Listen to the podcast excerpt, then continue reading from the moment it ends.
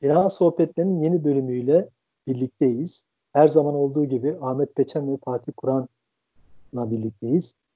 Bugünkü e, finans sohbetlerinin konusu refinansman ve yeniden yapılandırma kredileri. Ee, arkadaşlar merhaba, nasılsınız? Teşekkürler Bülent, gayet iyiyim ben. Tamam. Merhaba Bülent, sağ ol. Çok güzel. Ahmetciğim o zaman ilk senle başlayalım e, sorulara.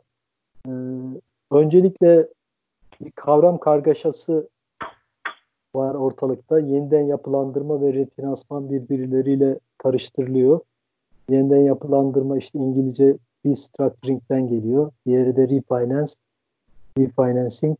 Türkçe'ye aynı şekilde gelmiş. Bunlarla ilgili e, hem tanımları hem farklarıyla ilgili neler söylemek istersin? Teşekkür ederim Bülent. Ee, aslında temel fark şu diyebiliriz. Yeniden yapılandırmada e, bunu tabii bankalar da çok kullanıyor. E, kredilerin yapılandırılması diye.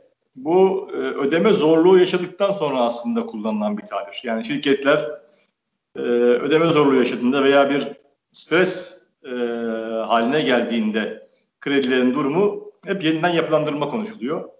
E, ve dediğin gibi bankalar da bunu çok kullandığı için refinansmanla karışır hale geldi. Temelde aslında bizim şunu söylememiz lazım. Şirketlerin kullandığı finansmanın şirketin nakit akışıyla uyumlu olması önemli. Refinansman herhangi bir anda bu uyumda bir bozukluk varsa bunu yeniden düzenlemek için kullanılan bir şey. Yani nakit akışına uyumlu hale getiriyorsun kredilerini. Ee, çok sık kullanılan yapılandırmada ise e, artık bu herkes tarafından görünür hale gelmiş çünkü nakit akışı ödemeleri engeller hale gelmiş. O zaman diyorlar ki bir dakika biz bu kredileri yeniden yapılandıralım. Benim burada tavsiyem de şirketlere mevcut nakit akışlarına göre eğer kredilerde ödemeler uyumsuzsa bunu uyumlu hale getirmek için yapılandırmayı beklemeden önce e, sık sık e, finansal modellerini gözden geçirmeleri. Umarım açıklayıcı olmuştur. Teşekkür ederim. Ben de teşekkür ediyorum. Gayet açıklayıcı oldu. Peki bu e, diyelim ki bir firma e, finansal olarak e, zorluklar yaşıyor ve e, kredileri ötelemesi gerekiyor. Yani vadesi yaklaşan kredileri. Burada bir de tabii şöyle düşünmek lazım. Bu firmanın bir tane bankada kredisi yok. 4-5 bankada kredisi olabilir. Ee, burada bankalar bir konsorsiyum şeklinde hareket ediyorlar mı yoksa e, ayrı ayrı bankalarla e, çözmesi mi gerekiyor e, firmanın? E, mevcut durumda yani pratiğe bakarsak ayrı ayrı müzakere e, daha sık kullanılan bir yöntem. Teoride aslında bankaların beraber hareket etmesi tercih edilir. E, ama gerçek hayatta uygulama öyle olmuyor maalesef. Çünkü her bankanın e, dinamikleri farklı. O yüzden de borçlunun tek tek bankalarla görüşerek yapılandırılması gerekiyor. E, ama bunu yaparken benim yine burada bir tavsiyem var. Olabildiğince şeffaf yönetmek lazım bu gibi süreçleri. Asıl olan e, nakit akışına uyumlu bir ödeme planı yaratmak. E, zaten hani şirketler eğer bu noktaya gelip de bankalarla veya finans kuruluşlarıyla bunu konuşuyorsa refinansman veya yeniden yapılandırma e, şu iki şey iki şeyden bir tanesine sahip olmaları lazım. Ya ileride e, borçları ödeyecek bir nakit akışına veya bir varlığa. E, yani ya varlığı nakde çevirerek bu nakiti güçlendirecekler ya da faaliyetlerinden yaratacakları nakdin bir projeksiyonu var ellerinde. Bunu ödeyeceklerini düşünüyorlar ama bugün değil. Vadeye ihtiyaç var. Bunu şeffaf bir şekilde yap, yaptığımız takdirde aslında bankaların e, buna itiraz etmesi çok anlamlı değil. Etmezler de. Çünkü bankanın amacı verdiği borcu geri almak. Yani e, sık sık konuşuyoruz. Hani bankacılık, yıllarca bankacılık yaptığım için ben e, bunu da kendim de çok kullanırdım. E, bankaların şöyle temel bir farkı var. E, sonuçta ticaret yapıyorlar doğru ama sattıklarını geri almak zorundalar. Diğer ticaret yapanlardan farklı olarak e, ve bunu sağlıklı bir şekilde geri almaları lazım. Ana amaç geri almak olduğu için bunu gösterecek herhangi bir nakit akışı veya varlık satışı bankaların itirazını e, ön, ön, engelleyecektir. E, ortak bir mutabakat sağlayacaktır. Gönül ister ki senin soruna göre dönersek eğer bankalar birlikte hareket etsinler ama pratikte şirketlerin tek tek bankalarla görüşmesi daha sık uygulanan bir yöntem. Haklısın. Ee, zaten Dinamo'da bizim deneyimlerimiz de o yönde. Ee, hizmet verdiğimiz ben bir tek e, firma hatırlıyorum. Onda 7-8 bankaya borcu vardı. Kredi borcu vardı. Bir bankaya e, %50'den daha fazlaydı toplam kredi borcunun. O zaman o banka devreye girmişti. Hani diğer bankalarla da görüşme e, e, yaparaktan devreye girmişti. Birlikte hareket etmek için. Çünkü burada bir yeniden yapılandırma veya refinansman olacaksa e, teminatlar da önemli hale geliyor. E, onlar da bankalar kendi aralarında konuşmaları gerekiyor. Ama bu istisnai bir şey. Türkiye'deki genel uygulama dediğim gibi bankalar zaten bir de son zamanlarda e, 2018 ve e, Covid-19 bu 2020 Mart krizinden hatırlıyoruz. Bankalar neredeyse yılda bir, iki yılda bir e, yapılandırma kampanyaları yani kampanya haline dönüşmüş durumda e, açıyorlar. E, buradan Fatih'e geçmek istiyorum. Fatih e, tabii aslında e, Fatih'e soruyu yöneltmeden önce şöyle bir örnekle başlamak istiyorum. E, 2019 yılında Türkiye'de spor kulüplerinin bir e, kredi yeniden yapılandırması oldu. E, birincilik kulüpleri buna dahildi. E, 18 kulüpten 4'ü yani 4 büyükler denen kulüplere ise ayrı bir paket oluşturuldu. Bu 4 büyük e, kulübün kredi borçları 1 milyarla 3 milyar lira arası değişiyordu. Yani ortalama bir rakam söylüyorum. Kesin rakamları söylemiyorum. Ee, konsorsiyuma katılan bankalar aslında bir e, konfeksiyonel bir iş yapmışlardı. Bir paket e, hazırlamışlardı. Bu pakette tabii e, kulüplerin kendi özel durumları, hani e, borçluk oranları, teminat yapıları, e, nakit akışları e, gibi unsurlar dikkate alınmamıştı. Dolayısıyla dört kulübe de aynı paket sunulmuştu. E, yani bu e, paketten en çok diyelim en olumlu yaralanan kulübün 1 milyar borcu vardı. Vadesi geçmiş e, borcu 100 milyon lira civarındaydı. E, ama paket program olduğu için 4 kulübede 250'şer milyon e, işletme sermayesi takviyesi kararı alınmıştı paket e, uygulandığı için. Dolayısıyla 100 milyon e, işletme ser 150 milyon işletme sermayesine kavuşmuş oldu. 100 milyon da mevcut e, borçlardan kapatmak pozisyonda kaldı.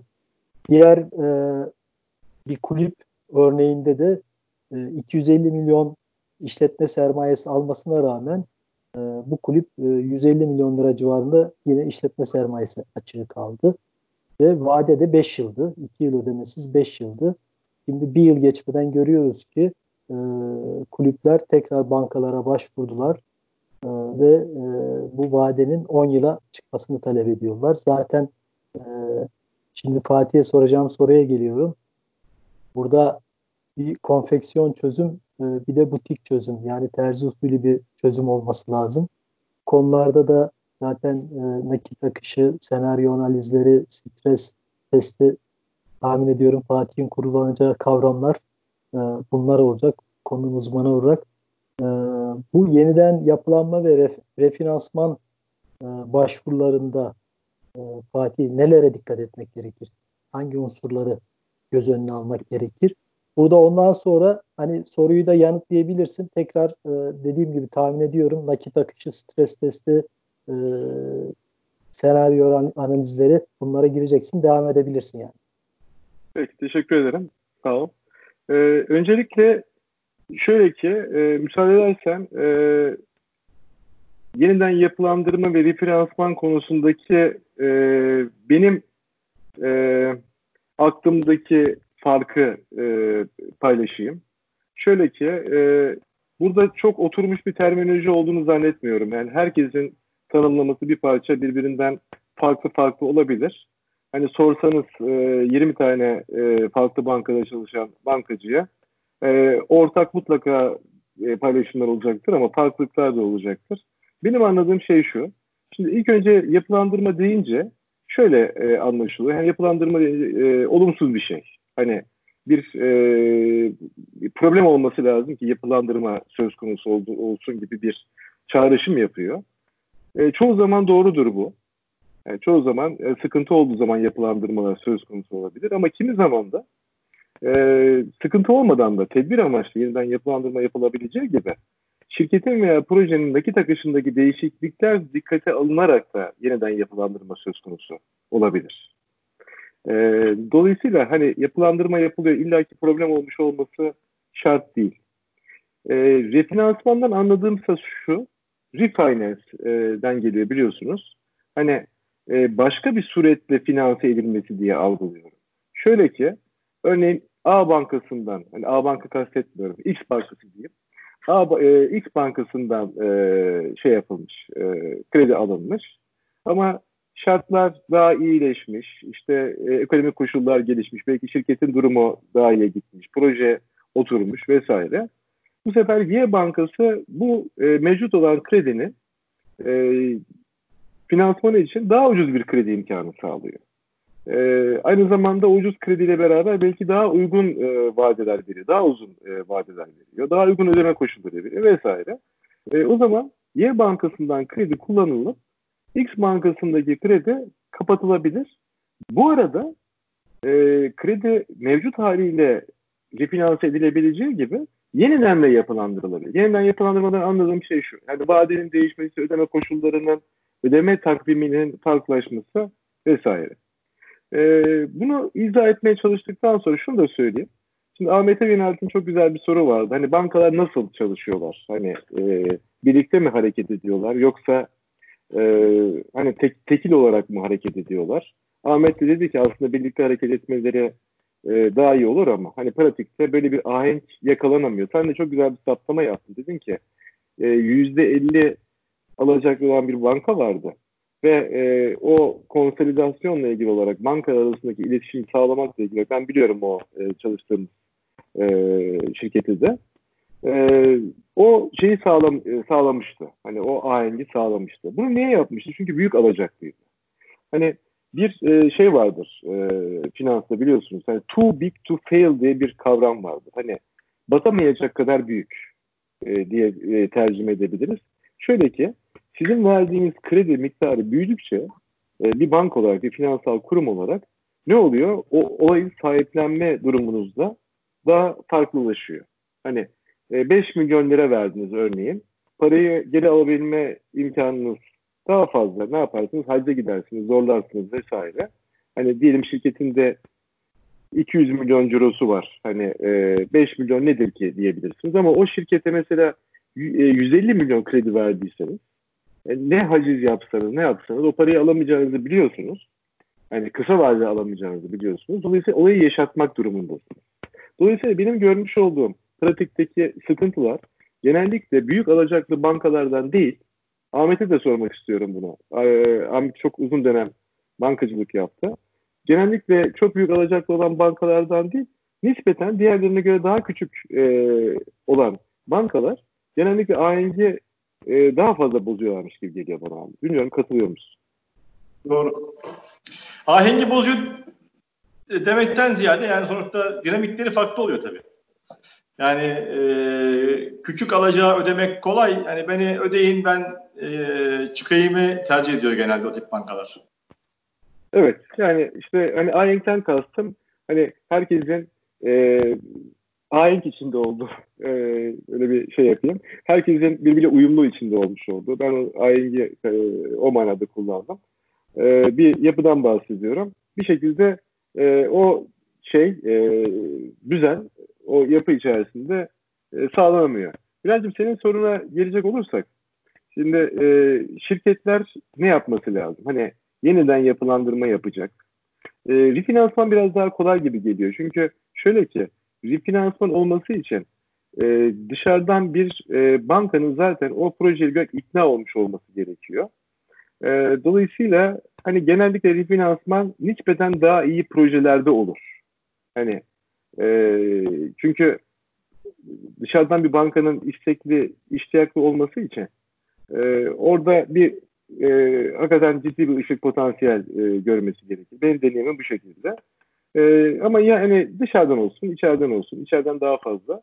Yeniden yapılandırmayla bağlantılı olarak e, bir finansal kuruluşun, banka diyelim burada, kapısını çalmadan evvel ne yapmak lazım? Şimdi Ahmet çok güzel ifade etti.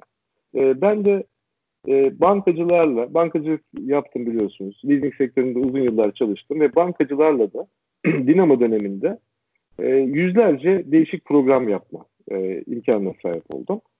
Ve e, Ahmet'in söylediğini teyit eden cevaplar aldım. Hani bizim bankacılık bir kredi verirken ilk önceliğimiz ne? Verdiğimiz parayı geri almak.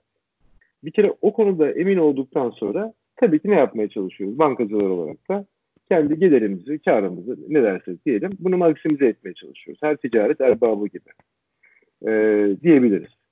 O, o bakımdan bir yeniden yapılandırma çalışmasıyla ilintili olarak bankaya giderken ilk önce e, bizim ev ödevimizi iyi yapmamız lazım. Ev ödevinden kastım şu.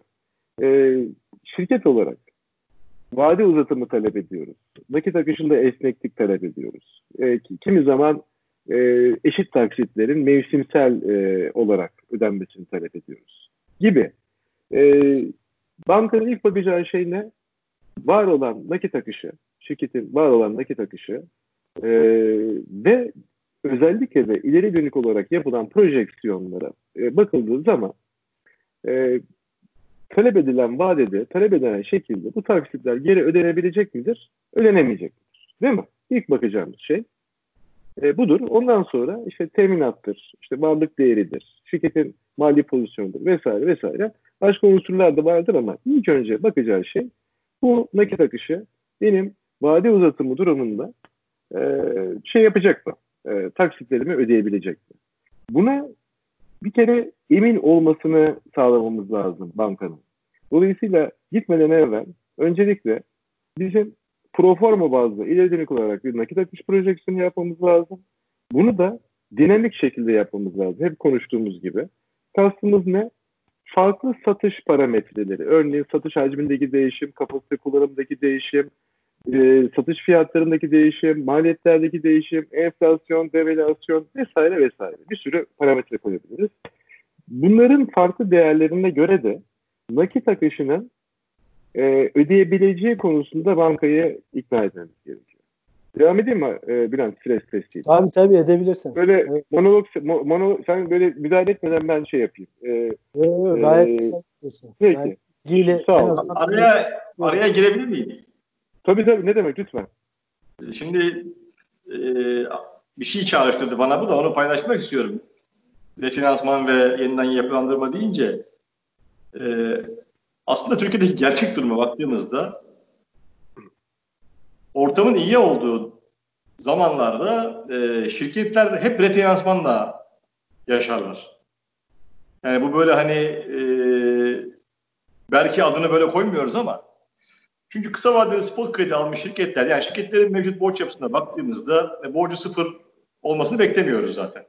Yani makul seviyede bir borçla yürüyebilir. E, bunu yaparken örneğin spot kredi aldığında vadesi yaklaştığı zaman bu spot krediyi kapatma yöntemi genelde şirketin yarattığı nakitle değil başka bankadan aldığı krediyle olur. Bu hep böyle oldu. Bankalar da zaten bunu rekabetini yaptılar. Yani ortam iyiyken ben daha düşük faize veriyorum oradakini kapat ben kullandırayım e, dedikleri dönemler çok oldu. E, ha ne zaman işler bozuyor o zaman şeyi konuşmaya başlıyoruz. Yeniden yapılandırma veya nakit akışı bunu ödüyor mu ödemiyor mu? Aslında her seferinde belli bir miktar borcun e, içeride kalacağını, bunun sıfır olmayacağını göz ardı etmemesi lazım finans kuruluşlarının ama kriz ortamlarında maalesef bunlar konuşulmaz hale geliyor tabii.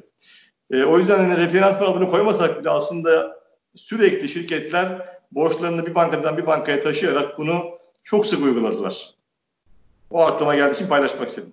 Teşekkürler. E bu şimdi bu çok önemli bir saptama Ahmet. Oradan ben e, pası almış olayım senden. Devam edeyim. Hatırlarsan Türkiye'nin en büyük holdinglerinden bir tanesi.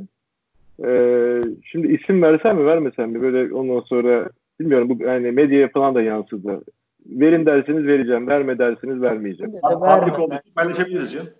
Yine ben, de ver bence. Ben vermek istiyorum. Ahmet ver dedi. Ee, ben de içimden... Moderatör Yıl... benim. Hadi. Hı? Moderatör benim diyorum. Ama şimdi bizi izleyenler merak edecekler şimdi e, sevgili Bülent'ciğim. Ondan sonra e, o yüzden bir istisna yapabilir miyiz bu konuda? Hadi yapalım bakalım. Kırmayalım. Peki, sağ ol. Sağ ol. Ee, Yıldız Holding bu medyaya çıktığı için de çok rahat e, konuşabiliyoruz. Ondan sonra hatırlarsanız e, oldukça büyük e, şeyleri yatırım kredilerini e, kısa vadeli e, kredilerle finanse etmişti. Çünkü Yıldız Holding'in kredi itibarı yüksek e, ve bakıyor sonuçta hani bir yıl e, vadeli kredinin faizi örneğin işte iki olmuş olsun. Fazla mal konuşuyorum. İşte uzun vadeli kredinin vadesi diyelim 10 yıl 4 olmuş olsun. Ha diyor ki işte 2 ile 4 arasında büyük fark var. Zaten bankalar benim kapımda yatıyorlar. E, bir yıl sonra ben bu krediyi döndürürüm. E, ne gerek var hani benim 4 ile borçla, borçlanmam.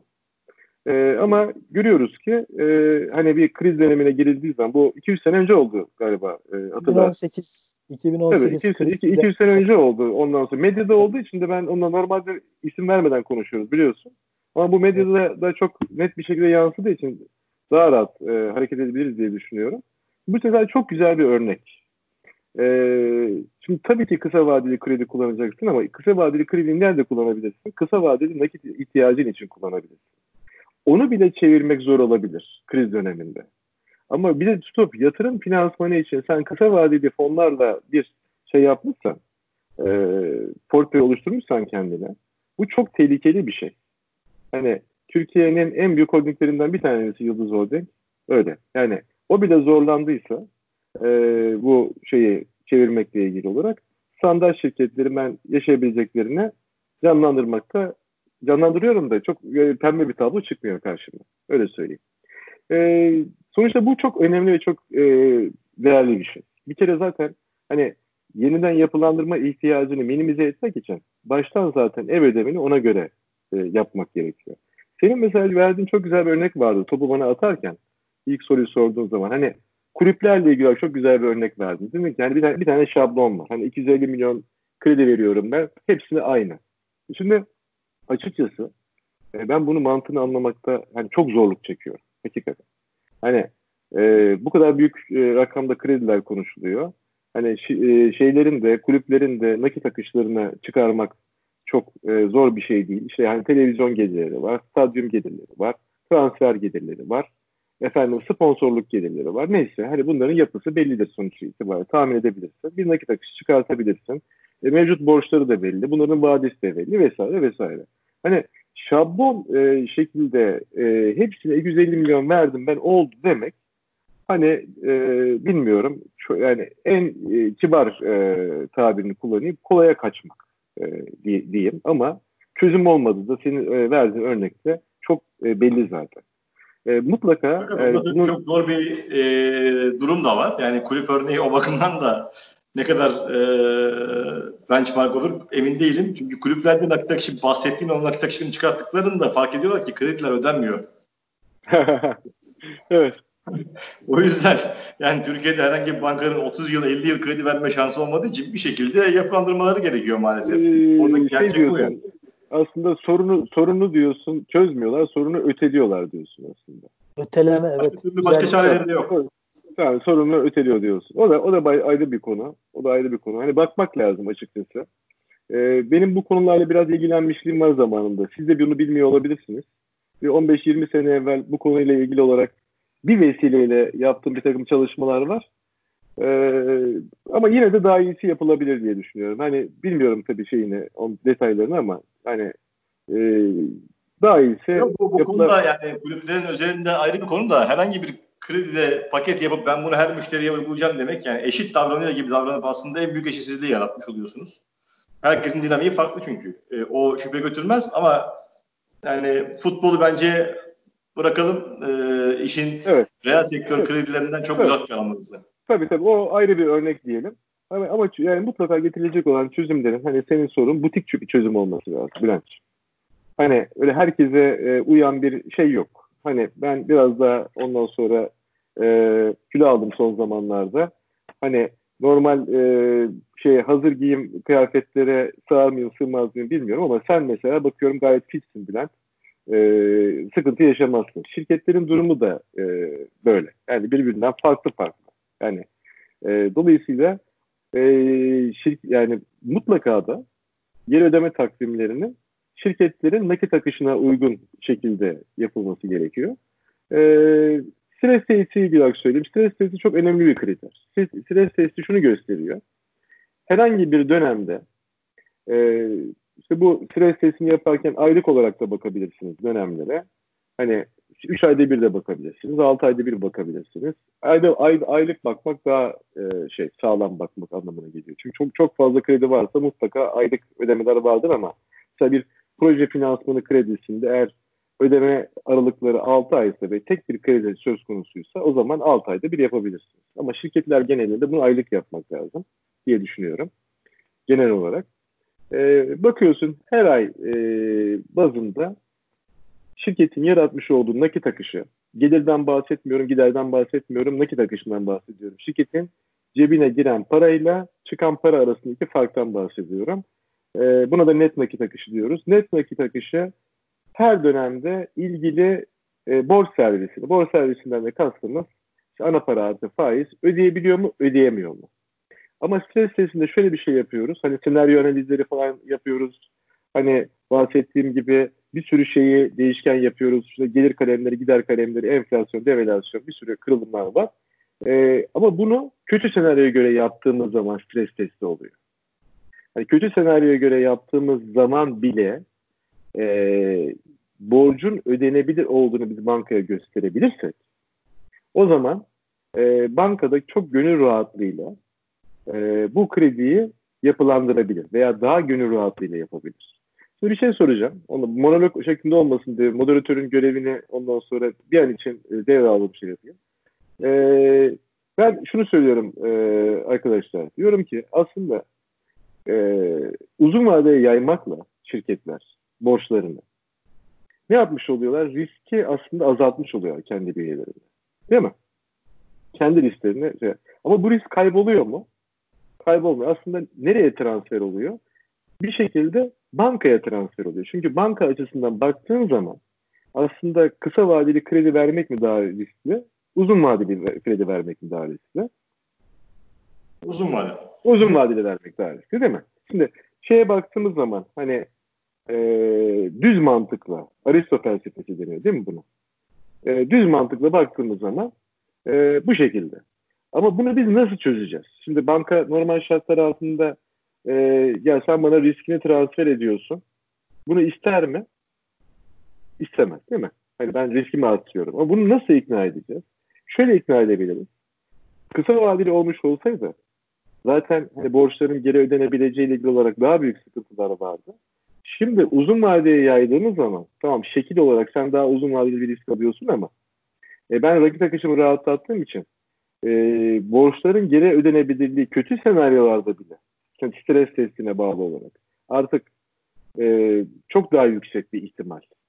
Sıfır değil ama çok daha yüksek bir ihtimal şeklinde ev ödemini yapması e, halinde şirketi bu ikna süreci, bu müzakere süreci çok daha kolay geçebilir diye bağlı. Teşekkür ederim. Ee, son zamanlarda tabii yapılandırma ve refinansmana yönelik e, firma başvuruları arttı. E, bizim de zaten hem yeni müşteriler, e, yeni firmalar hem de eskiden beri hizmet verdiğimiz firmalara yönelik çalışmalarımız var. Ahmet'e şimdi onu soracağım. Bu arada e, size de hava atabilirim. E, üçümüzün içinde en son refinansman işlemini ben gerçekleştirdim. Bu hafta bir refinansman işlemi yaptım. e, bizim sitenin e, bahçıvanı geldi geçen. 3000 lira emekli maaş aldığı bankaya borcu varmış. 2000 lira da maaş aldığı bankaya borcu varmış. 5000 lira yani toplam borcu var. Kızını nişanlayacakmış. 5000 lira daha paraya ihtiyacı var. Bankalar vermiyormuş. Ben de ona bir taktik verdim. Dedim maaşını aldım bankaya git dedim.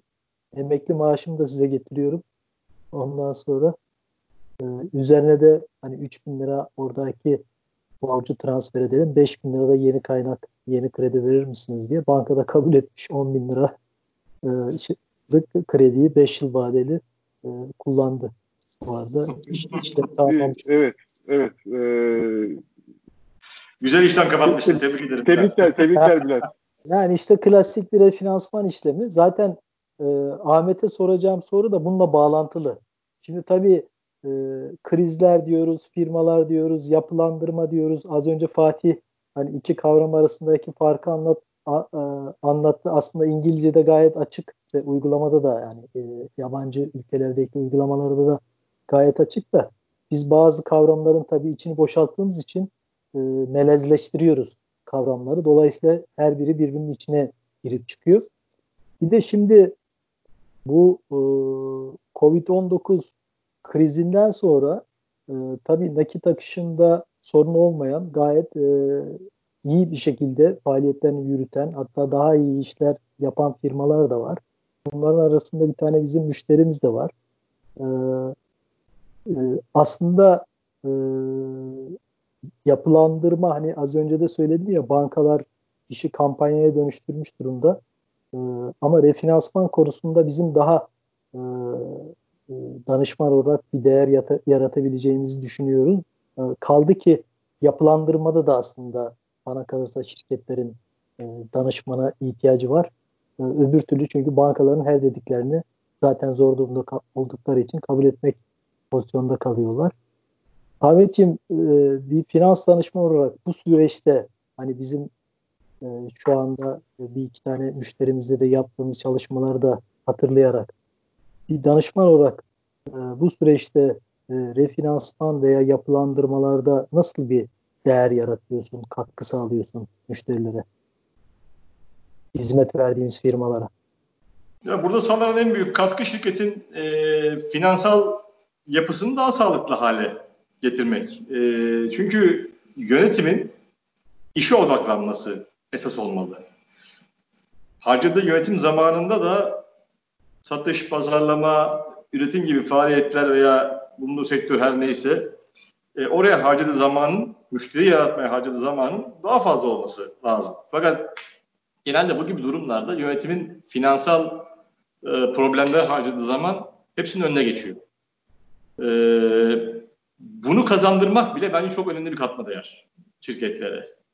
Ee, tabii bunu eğer içeride değer varsa, şirket faaliyetleriyle ödeyebileceğini görüyorsak yapabiliyoruz. Ee, dediğin gibi bazı şirketlerin işleri çok iyi gidiyor ama iş, işler iyi giderken bile e, borçların nakit akışıyla uyumlu hale getirilmesi bir yana aynı zamanda daha uygun faizlerle refinansman da söz konusu olabilir. Çünkü demin Fatih söylediğinde aslında e, güzel bir noktaya temas etti. Hakikaten yapılandırma olumsuz bir algı yaratıyor. E, ve yapılandırma genelde borcun olduğu finans kuruluşuyla ancak yapılabilir.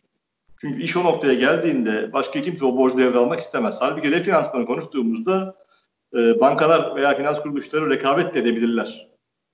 E, burada belki şeyin çelişkisinden de bahsetmek lazım. E, e, pek çok finans kuruluşu mesela erken kapama cezası koyar kredi anlaşmalarına özel bir kredi veriyorsa. Bunun e, ana sebeplerinden bir tanesi e, ileri dönük olası faiz düşüşlerinde referansmanı engellemektir. Yani ben e, kredimi başka bankaya kaptırmayayımdır altında yatan sebep. Yoksa hani çelişkilerin sebebi de şu. Demin dedik ya finans kuruluşlarının amacı da parayı geri almaktır. O zaman sen ödemek isteyene niye ceza uyguluyorsun? E, madem geri almak istiyorsun. Yani o vadeyle spesifik uyumlu borçlanmış ve e, meç etmiş olabilir. E, finansal bir kaybı oluşabilir. Onu engellemektir bir sebep. Bir diğer sebep ise e, başka bankanın refinansman yapmasının önüne geçmektir. E, senin soruna yorarsak yönetim zamanını e, doğru alana kanalize etmek önemli katma değer. E, nakit akışıyla uyumlu bir kredi yaratmak e, uzun vadede aslında bunu sağladığı için önemli bir katma değer veya daha uygun faiz zaten çok somut gözüken bir şey. E, bir kredide yüzde bir, yüzde iki yaratacağın e, faiz geliri net matematiksel hesaplanabilir e, ve müşterilere sunulabilir. Önemli bir e, katma değer. E, bunların hepsi e, müşterinin dinamiklerine bağlı olarak veya herhangi bir tanesi sağlanabilir diye düşünüyorum. Ben bir de burada şeyi ilave etmek isterim. Hani faiz vade konusunda e, değerler katıyoruz. Bir de e, Türkiye'deki banka uygulamasında bankalar e, şirketin şirketi kredilendirirken işte ortakların kefalet imzaları onun dışında değişik teminatlar alıyorlar. Genelde de cömertçe alıyorlar diye düşünüyorum ben. Şimdi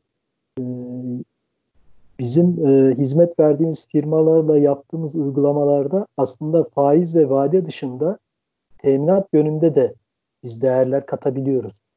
E, çünkü firmanın gerçek anlamda az önce Fatih'in bahsettiği gibi işte stres testleri, senaryo analizleri ve e, gerçekten güvenilir bir nakit akışı altyapısıyla bankaya sunduğu, sunduğu zaman danışman firma e, teminat yapısında da e, dolayısıyla e, bazı esneklikler oluşabiliyor. Çünkü e, refinansmanla beraber yeni bir bankaya banka aslında kredi tahsisi yapıyor.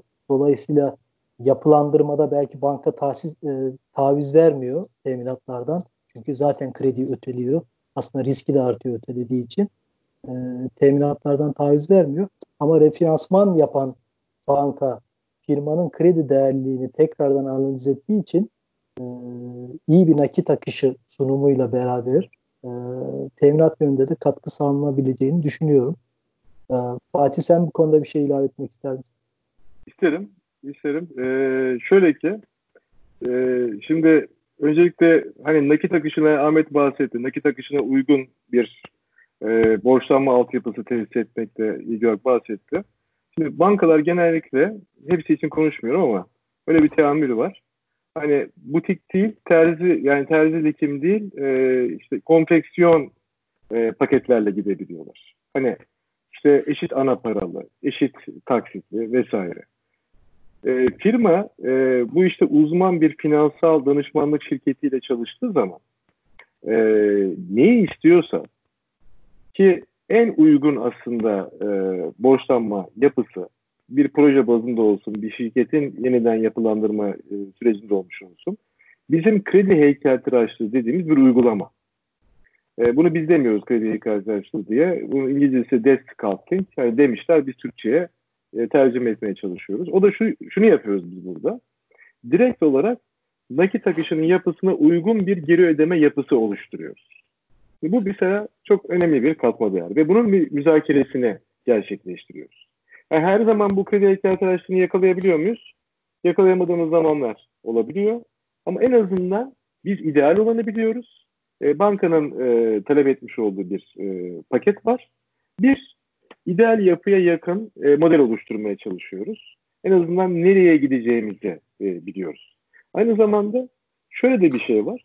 Bu finansal hesaplar hakikaten zaman zaman çok kompleksleşebiliyor. Yani e, özellikle gerçek gün hesabı işin içine girdiği zaman hesaplamalarda e, daha da kompleks hale gelebiliyor. E, bu, bu e, çok vakıf olduğumuz konular olduğu için bir kere e, o hesaplamaları hani bankacıları bile getirdiği hesaplamaları kontrol etme ve e, gerekiyorsa bir ondan sonra eksiklik varsa bunu düzeltmekle ilgili olarak da bir imkana sahip olabiliyoruz. Ee, yine sizin söylediğiniz şeylere ilave olarak bir de kredi kullanım koşulları var. Üç tane şey aklıma geldi konuşurken. Mesela bir tanesi rezerv hesaplar. Bankalar diyebiliyorlar ki şu kadar mesela taksi tutarında bir para bankada kredi vadesi sonuna kadar duruyor olmuş. Yani bu niye beraberinde getiriyor? Bu parayı sen kullanamayacaksın. Şirket olarak bu bankada bloke oldu. Ee, yine mesela kar dağıtımının önüne bir takım engeller getirebiliyorlar. Diyor ki mesela bu krediyi ben yeniden yapılandırırsam 3 yıl 5 yıl sen kar dağıtımı yapamayacaksın. Ee, yine nakit süpürme de, diye denen bir hadise var. O da cash sweep. Ee, bu nakit süpürmede de bir dipnot şeklinde geçiyor sözleşmede. Orada şunu söyleyeyim. Bu sözleşmedeki maddeleri okumak, değerlendirmek, anlamak e, hakikaten ayrı bir uzmanlık konusu. Yani bunun aynı zamanda hem anlayacaksın hem de e, ne gibi etkileri olacak? Benim karlılığıma, işte likitleme vesaire bunu yorumlayabileceksin. E, e şimdi mesela kes yürüttü, nakit süpürmede.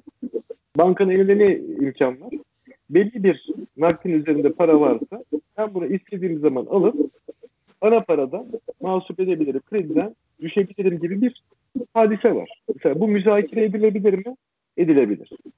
Ee, mesela standart uygulaması şudur.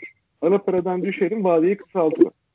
Bu müzakere edilebilir mi? Mesela vadeyi sabit tutup taksitler düşürülebilir mi? Sonuçta bunların hiçbirisi Allah kelamı olmadığı için anlaşmaya tabi olmuş olduğu her şey müzakere edilebilir. Ama bunu bilinçli bir şekilde yapmak lazım. Bu da bizim uzmanlık alanımız. Ee, standart bankacılık işlemleri değil bunlar. Yani e, dolayısıyla biz bu tip onlarca, belki yüzlerce projede e, uğraşmış olduğumuz için hem e, patronların büyük bir kısmından hem oradaki profesyonel ekiplerin büyük bir kısmından daha fazla tecrübe bu tecrübeleri kullanıyoruz diyebiliriz. Evet. Teşekkür ediyorum Fatih. Bir finans sohbetlerinin daha sonuna geldik. Teşekkür ediyorum. Yeni programda görüşmek üzere. Hoşçakalın. Herkese iyi akşamlar. Hoşçakalın.